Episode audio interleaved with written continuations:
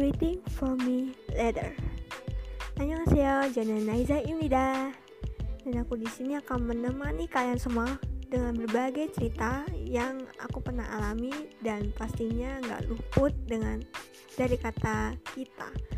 Dan apa yang kita alami hari ini maupun esok hari ini akan menjadi hal yang terbaik yang pernah kita alami. So, jangan ke mana-mana. Tetap di podcast ini. Terima kasih.